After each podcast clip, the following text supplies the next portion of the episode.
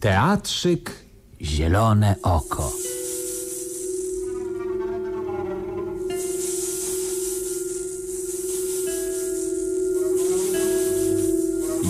Jerzy Edigej Sprawa dla jednego.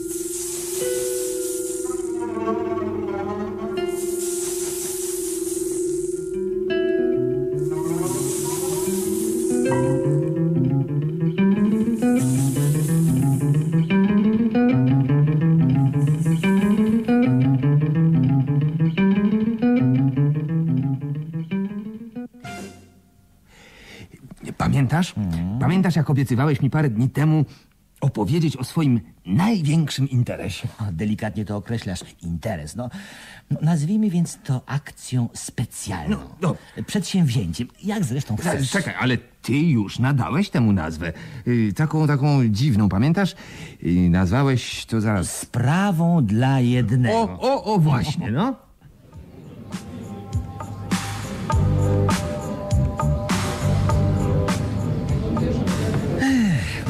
17 piętrze drapacza chmur Rockefeller Center w Nowym Jorku dwaj panowie zjednoczeni w firmie Stern i Kane prowadzili rozmaite interesy i ślizgając się niemal na krawędzi kryminału zbili solidny majątek. Opowiadasz to jak bajkę.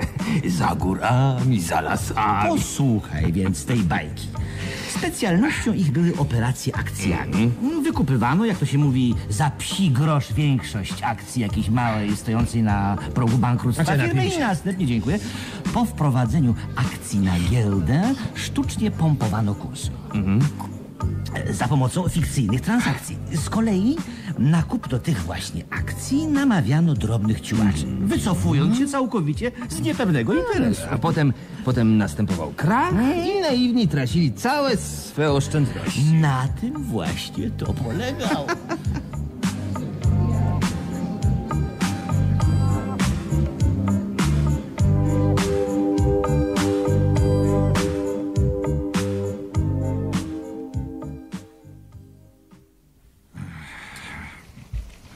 Musimy wreszcie coś zrobić z tymi kopalniami złota w Nebraska. Każdy miesiąc kosztuje nas przeszło 10 tysięcy dolarów. No, no, no. Utrzymanie tej starej rudery w ruchu nie, nie zwraca nam nawet jednej trzeciej sumy. Akcje wywindowaliśmy już najwyżej, jak tylko się dało. Czy długo jeszcze mamy dokładać do tego interesu? Niedługo, niedługo mogę cię pocieszyć. Mam amatora na te kopalnie, jakiś naiwniaczek z Alabamy, nafaszerowany grubą forsą tatusia. Chce robić dobre interesy. Grał trochę na giełdzie, podsunąłem mu parę pewniaków, także chłop też zarobił sporo i ma do mnie bezgraniczne zaufanie. Mówiłem już o tej kopalni, wspomniałem, że ekspertyzy wykazały, że pod wyeksploatowaną żyłą złota jest druga, bardzo bogata. Chłopak aż się pali do tej transakcji. Być dyrektorem kopalni, no to chyba to jest znacznie więcej niż siać kukurydzę w rodzinnej Alabamie. Dawaj, dawaj więc szybko tego chłopaka i niech kładzie Czekaj, dolary czekaj, na stół. No. Czekaj, czekaj, to nic pilnego. Lepiej się jeszcze trochę z nim podroczyć. Nie. Niech nasz bohater jeszcze bardziej zapali się do kupna, wtedy więcej zapłaci. A poza tym on chce obejrzeć ten cały kram. Potrzymamy go ze dwa, trzy tygodnie, a przez ten czas zrobimy nieco porządku w tej ruderze. To też nam się opłaci. Im bardziej mu się spodoba, tym więcej zapłacimy. I tym prędzej przejdzie mu ta miłość.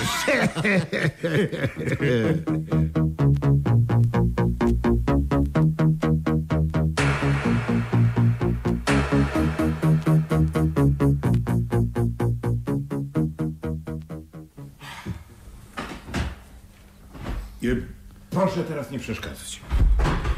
No i co, zwojowałeś? Masz. Masz.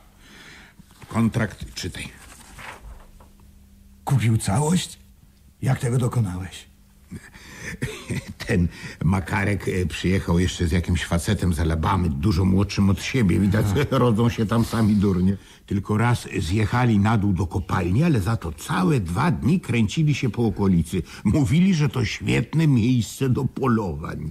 Najchętniej jednak łazili po starej hałdzie, gdzie dawniej zwożono urobisko po przepłukaniu złotego pyłu. Ten młody mówił, że z hałdy można zrobić śliczny tor saneczkowy, a obaj ciągle bawili się małym wiatraczkiem. Wiatraczkiem? No, chyba bujasz. Nie, no. Stare chłopiska. A no dobrze widziałem, że gdy łazili po tej hałdzie, młodszy ciągle wyjmował wiatraczek, który kręcił się i wydawał słabe trzaski. Obaj patrzyli na to i, i cieszyli się jak dzieci. No. No, a jak w końcu było z tą sprzedażą? No więc tak, drugiego dnia po południu zaczęliśmy trochę popijać. Mój chłoptaś zaczął mnie męczyć, żebym mu sprzedał połowę akcji, a ja dawałem mu tylko 25%. A on wciąż dolewał mi ginu. Ja piję i udaję, że alkohol uderza mi do głowy. On jeszcze dolewa i morduje, sprzedaj! W końcu mówię, no takiemu przyjacielowi z Alabamy niczego nie mogę odmówić. Język mi się plącze, bierz wszystko, mówię, zaczęliśmy się całować i dawaj podpisywać kontrakt. No i co, i co on na to? A się. I mówi, że nie chce mnie wyzyskiwać, ani też oszukiwać. Dopisaliśmy więc na końcu umowy postanowienie, że w ciągu trzech miesięcy mamy prawo unieważnić kontrakt za zwrotem wpłaconej sumy oraz wypłatą 300 tysięcy dolarów tytułem odszkodowania panu Makarekowi. Długo będzie na to czekał. No, no.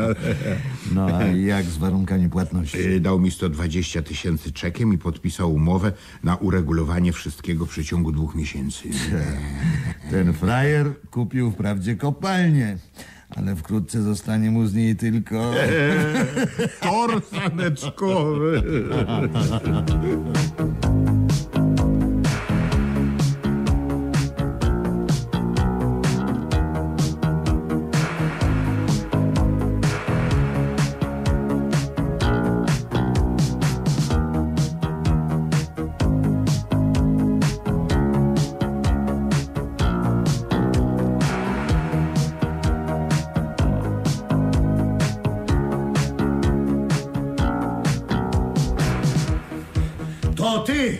Stern, jesteś starym idiotą, a nie ten facet z Alabamy.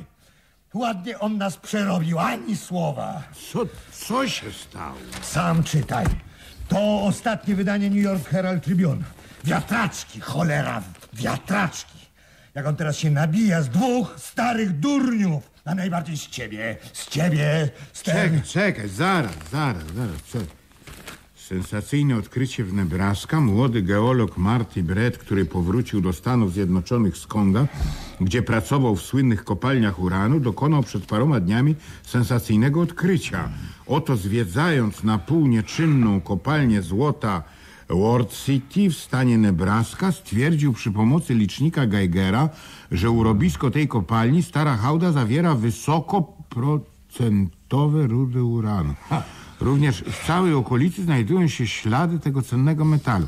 Odkrycie to ma kolosalne znaczenie dla przemysłu atomowego USA, gdyż niezależnie, uniezależnia go od importu. Nie, nie trzeba dodawać, że właściciel starej kopalni, mister Henry Makarek, jednego dnia został milion, milionerem.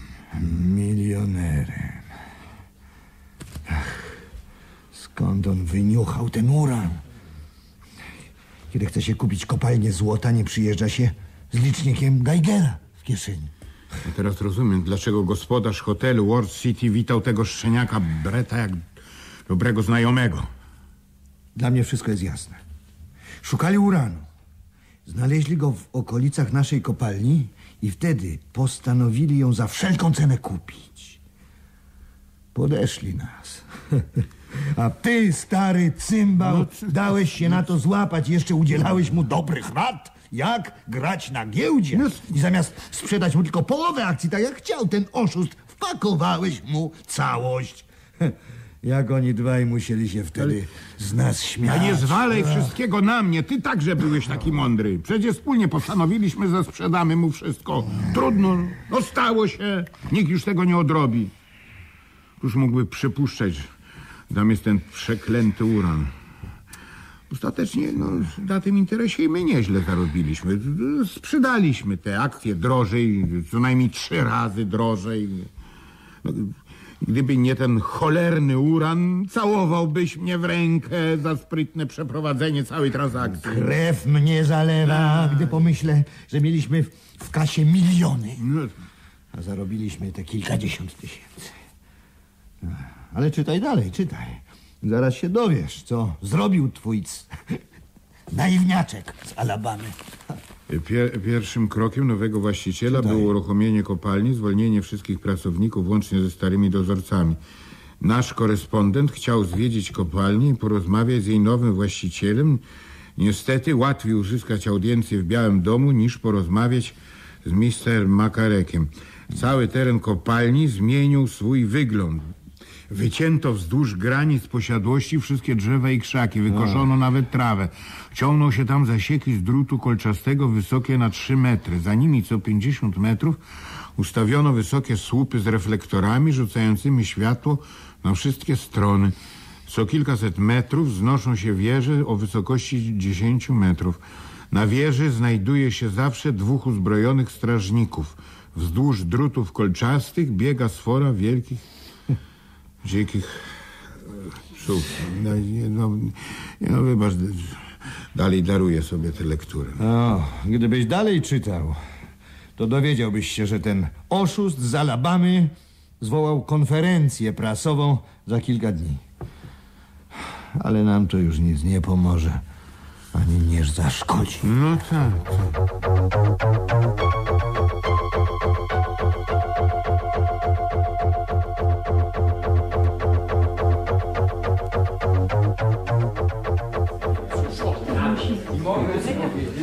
Witam Państwa. Proszę zająć miejsca. Moja sekretarka zaraz poczęstuje wszystkich napojami, a tu obok jest bufet. Zapraszam. Jednocześnie bardzo proszę, aby nikt bez mojej zgody nie wychodził z tej sali. Mogłoby to się źle skończyć. Proszę Państwa. Nie będę tutaj opowiadał Państwu historii kopalni, której właścicielem zostałem stosunkowo niedawno. Mój główny inżynier, Mr. Marty Brett, prowadzi badania geologiczne i głębokie wiercenia. Wierzę, że niedługo przypuszczalnie dotrzemy do ogromnego pokładu łupków złotonośnych. Niestety rozeszła się jakaś bezpodstawna plotka o złożach uranu. Zarówno ja, jako właściciel kopalni, i pan Brett, jako specjalista i główny inżynier, stanowczo i kategorycznie zaprzeczamy tym plotkom. Żadnego uranu tu nie ma. Celem naszej firmy jest wyłącznie eksploatacja złóż złotonośnych łupków. Bardzo proszę obecnych tu na sali korespondentów i dziennikarzy o opublikowanie mego oświadczenia. Koniec z tymi niezdrowymi sensacjami. Proszę panów, mamy w planie rozbudowę kopalni. Opracowuję właśnie wraz z całym sztabem inżynierów nowe metody wydobywania złota. Jeszcze raz podkreślam, złota. Chcę zaznaczyć, że rzekomy uran jest wyłącznie tworem wyobraźni prasy. E, Skoro tak jest, e, jak mówicie panowie, to dlaczego cały teren kopalni zamieniono w obóz warowny?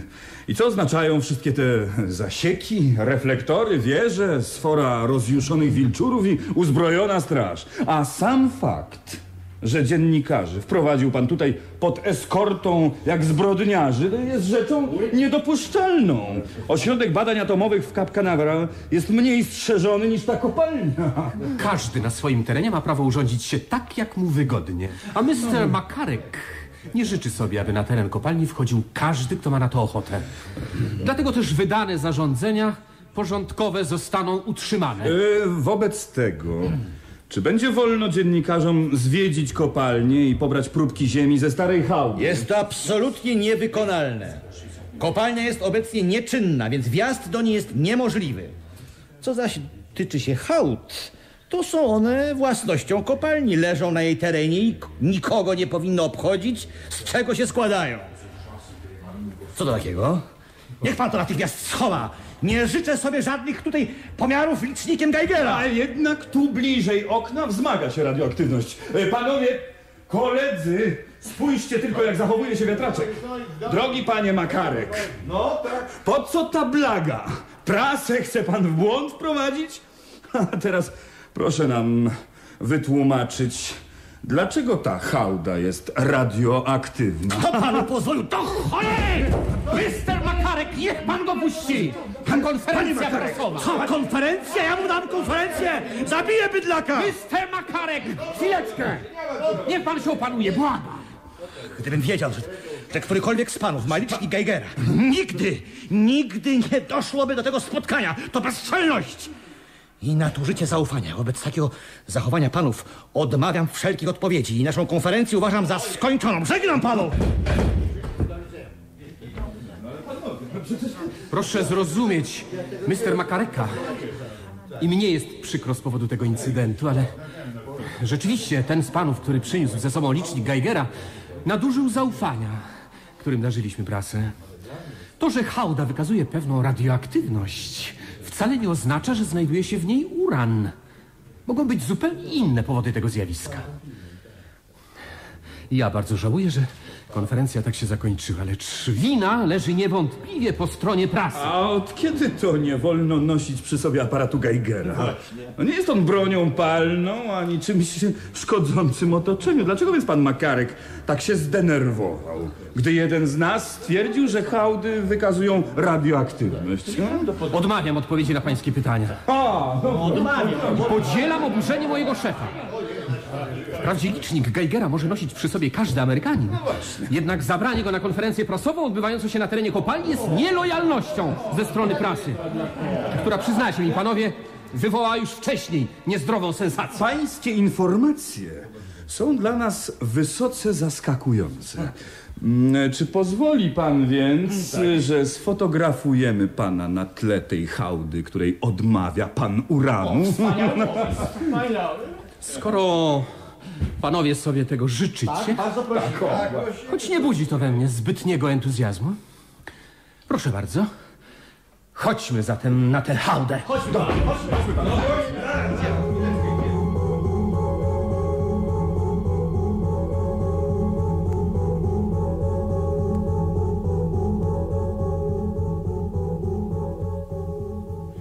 Czy już wiesz? A to dopiero sensacja, no. Nie rozumiem. A o co chodzi? Nie wyszło ani jedno zdjęcie z tych robionych w kopalni. Ani jedno. Wszystkie rolki prześwietlone. Nawet te, które dziennikarze mieli w kieszeniach. Czy rozumiesz, co to znaczy?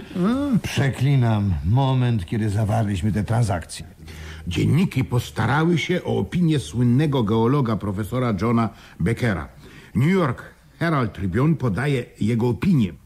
Podobno formacje geologiczne w stanie Nebraska są niemal identyczne z tymi w Kongo i we Francji, gdzie znaleziono bogate złoża uranu. Reasumując, ten wybitny uczony nie wyklucza możliwości znalezienia również w łupkach pod Ward City rudy uranowej. Co za łobuz. No. Co za wyjątkowy No, ale- ale łobuz. Już w dwa tygodnie potem, jak wycyganił od ciebie nasze akcje, wykupił prawa górnicze na poszukiwanie uranu na całym terenie. Doskonale wiedział, jakie tam są skarby, a nam zapłacił nędzne grosze, ale kanalia... Nie, no nie zapominaj, że ten facet zapłacił nam za akcję tyle, ile chcieliśmy. No wcale się nie targował. Uczciwy człowiek, prawda? No, A, z chwilą, gdy dowiedział się o istnieniu tam uranu, powinien do nas przyjść i lojalnie nas o tym uprzedzić, No a co- nie podstępem wykupywać akcje biednych ludzi.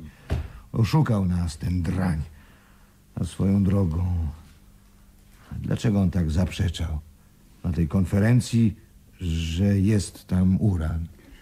O, to chyba zupełnie zrozumiałe. No, ma prawa górnicze na poszukiwanie uranu w okolicy i, no, i nie chce, żeby ceny gruntów nagle gwałtownie podskoczyły. No. A, a poza tym boi się konkurencji wielkich koncernów. No, no, no, no, no, no bo kim on jest? No, zwykły plantator z Alabamy reprezentuje no, co najwyżej kilka milionów. Dlatego też chce, żeby wokół tej sprawy było cicho, dopóki nie zmontuje wielkiego konsorcjum. No, sam tego interesu nie zje. Ma na to za małe gardło. No nie bój się, nie bój się, nie straci. na tym interesie. Stracić nie straci, ale nie wyciągnie tylu milionów, ile mógłby mieć, jeżeli sam będzie grał pierwsze skrzypce. I rozumiem, dlaczego tak mu zależy na nierozgłaszaniu tej całej sprawy i dlaczego tak się zaklina, że nie ma tam żadnego uranu. Ale ten dziennikarz z New York Herald Tribune zręcznie go złapał przy pomocy licznika Geigera. No tak. A ty się zbłaźniłeś. Widziałeś, jak faceci latali z tym licznikiem po hałdzie i jeszcze się śmiałeś, że bawią się wiatraczkami. No i zabawili się, ale naszym kosztem. Trzeba pokonferować z jakimś sprytnym adwokatem. Może uda się unieważnić ten kontrakt. Unieważnić co? No. A, czekaj, czekaj, zaraz, zaraz. Jak, jak mogliśmy o tym zapomnieć? co? John! Panno John! Co jest? Y, Niech mi pani da umowę z Makarekiem. Czekaj, czekaj. czekaj. Proszę bardzo. A, dziękuję. Dziękuję. Jest, jest, patrz. No, no, na śmierć o tym zapomniałem. Kiedy pisaliśmy tę umowę, to Makarek, chcąc mnie namówić do sprzedania całości, dopisał w kontrakcie postanowienie, że mamy prawo w ciągu trzech miesięcy odstąpić od transakcji, wypłacając drugiej stronie odszkodowanie 300 tysięcy dolarów. Pokaż, no, no, masz, no tu jest, Pokaż. no o. W porządku. No, a widzisz, no. Ten cwaniak z Alabamy złapał się we własne sidła. Był zupełnie pewien, że odkrycie uranu pozostanie tajemnicą przez cały ten czas i warunek umowy wyekspiruje. To przede wszystkim było powodem jego wściekłości na konferencji No. prasowej. A, gdy stało się już wiadome, że odkryto w World City złoża uranu i gdy prasa zrobiła z tego sensację. Obawiał się, że odkryjemy prawdę i skorzystamy z klauzuli. No to teraz z nim pogadam. Panno John, panno John! Słucham pana. E, Proszę napisać następującej treści list i zaadresować go do Mr. Henry Makareka. Makareka, Proszę tak też jest. natychmiast wysłać go, nie zwlekając ani chwili. To bardzo ważna sprawa. Proszę, a teraz dyktuję. Pisze pani? Tak, tak. Szanowny panie, uprzejmie zawiadamiamy, że rozmyśliliśmy się w sprawie sprzedaży kopalni World City. World City tam. Zgodnie z postanowieniem paragrafu 15 umowy a, odstępujemy od tej transakcji. Jednocześnie wydaliśmy polecenie, no, aby nasz bank przelał na pańskie konto sumy otrzymane od niego za sprzedaż akcji i przewidziane w wyżej wymienionym paragrafie 15 umowy odszkodowanie w wysokości 300 tysięcy dolarów, słownie 300 tysięcy dolarów.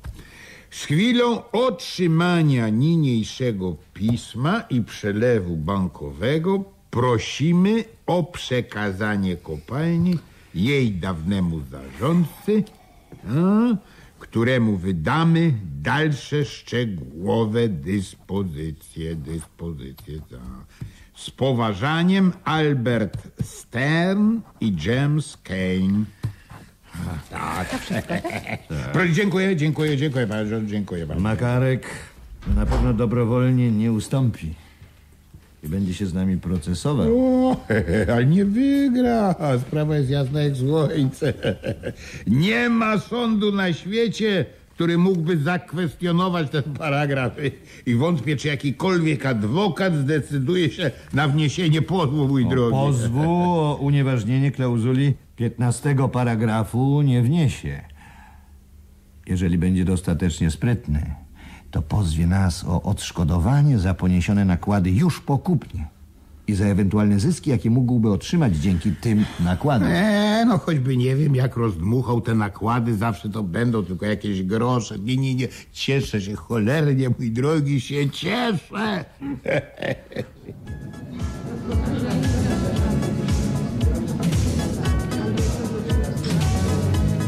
A, a ty wtedy? A ja wtedy? No?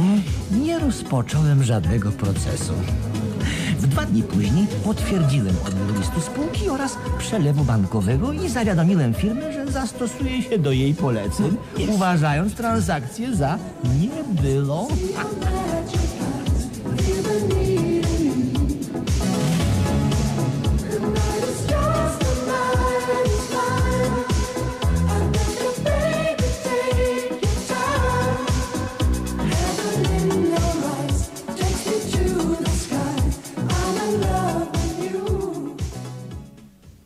Czytałeś ten list Makareka? Tak, coś mi się tu nie podoba. Ten facet za szybko się zgodził. Nie uważa, że, że ta sprawa znowu cuchnie? Sam już nie wiem, co mam myśleć o tym cwaniaku z Alabamy. Tak. Słuchaj, musimy jak najszybciej posłać tam komisję specjalistów. Niech dokładnie zbadają tę hałdę i całą kopalnię. Przed sprzedażą trzeba było zrobić tę ekspertyzę, a nie podrabiać ją tu, u nas na biurku.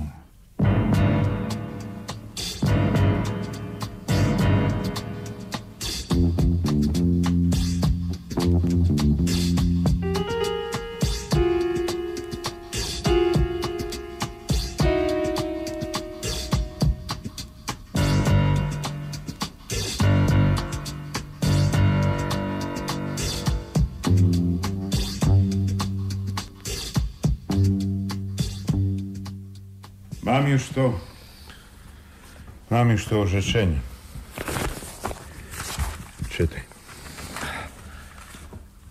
Stwierdzamy, że zarówno złoża łupków w kopalni, jak i też stara hałda zawierają bardzo drobne ilości cennego metalu i zupełnie nie nadają się do eksploatacji w tym celu. Wysoką radioaktywność hałdy tłumaczymy tym, że dostały się do niej w jakiś niewiadomy sposób resztki materiałów rozszczepialnych. Być może resztki te znalazły się w okolicy World City wskutek planowego niszczenia wszelkich rakiet, które zboczyły ze swego toru, a następnie eksplodowały w powietrzu. Możliwe też, że radioaktywność została spowodowana deszczem, który przyniósł pył radioaktywny z poligonów znajdujących się w stosunkowo niewielkiej odległości około tysiąca kilometrów od World City. Komisja wydaje orzeczenie, że ilość resztek materiałów radioaktywnych absolutnie nie zagraża życiu i zdrowiu mieszkańców miasteczka i okolicy. Oświadczenie inżyniera Marty Breta złożone na słynnej konferencji prasowej o braku śladów uranu w złożach kopalni było całkowicie zgodne z rzeczywistością. Inżynier Brett, nie posiadając tak precyzyjnych aparatów, jakimi rozporządzała komisja, nie mógł wytłumaczyć powodów radioaktywności hałdy. Nie można jednak robić inżynierowi ani zarządowi kopalni zarzutu, chęci wprowadzenia w błąd opinii publicznej lub ukrywania istotnego stanu.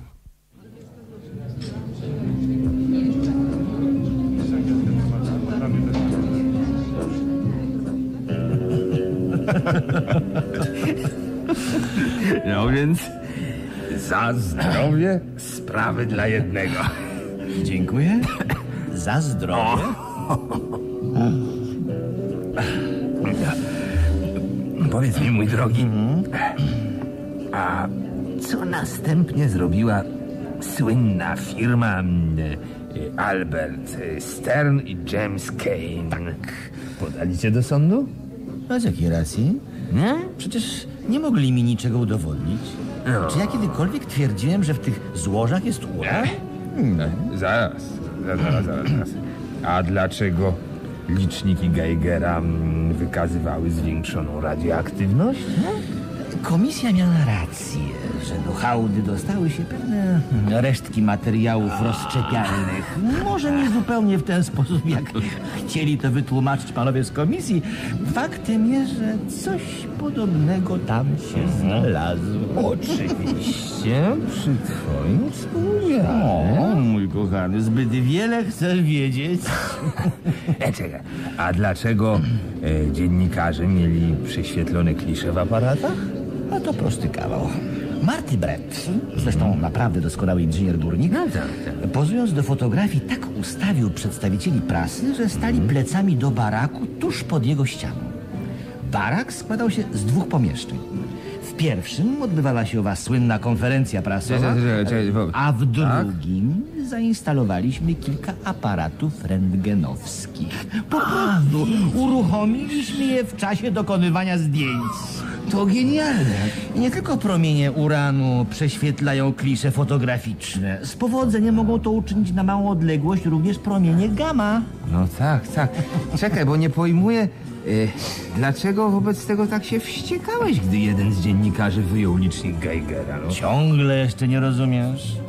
Musiałem odegrać tę scenę. Od początku do końca chodziło mi przecież o to, aby nikt, ani dziennikarze, ani ich czytelnicy, ani wreszcie przezacni panowie Stern i Kane nie uwierzyli w to, co mówiłem na konferencji. A mówiłem przecież szczerą prawdę. No, o, oczywiście, oczywiście. A, a gdyby tak redaktor z New York Herald Tribune nie wyjął swego aparatu?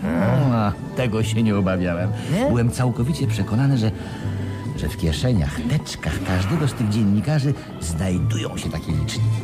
To źle, że nie doceniasz sprytu swych amerykańskich kolegów. Gdyby ta sprawa działa się w Polsce, dziennikarze też nie zjawiliby się z pustymi rękami. No ale czekaj, czekaj. Co, no co? Jednak w tym całym interesie było ogromne ryzyko. Panowie z Rockefeller Center mogli nie skorzystać z klauzuli 15 paragrafu umowy i pozostawić ci kopalnię. No, i co wtedy? No co wtedy? Czyli to przewidziałeś? Pewnie. Ryzyko jest w każdym interesie.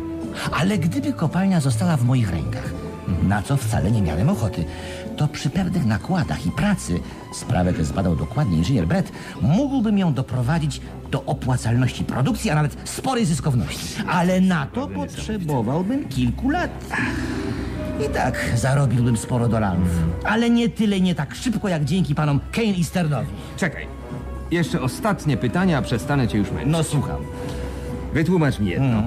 Jak to się stało, że New York Herald Tribune zamieścił tę wzmiankę o znalezieniu uranu? Nie było żadną sztuką zainscenizowanie małej komedii. Do Work City przyjechał najpierw Brett, który istotnie zbadał złoża kopalni i stwierdził jej potencjalne możliwości. Jednocześnie włóczył się po okolicy, tak żeby go widziało sporo osób. Potem przyjechałem ja z młodym człowiekiem, który był naszym pomocnikiem. Miał on za zadanie zawrzeć jak najwięcej znajomości, a przede wszystkim z miejscowym korespondentem lokalnej gazety w Lincoln, stolicy stanu Nebraska. On to właśnie wygadał się po paru kieliszkach wypitych z owym dziennikarzem, że podsłuchał naszą rozmowę o złożach uranu. Dziennikarz w lot pochwycił szansę, jaką dawała mu ta wiadomość i przetelefonował ją nie do stanowego dziennika, tylko do największej gazety w Stanach Zjednoczonych. Rozumiesz? Rozumiem słowem, batalia ta była przygotowana w najmniejszych szczegółach, a i wykonana bezbłędnie. Tak jak mówiłem, sprawa dla jednego.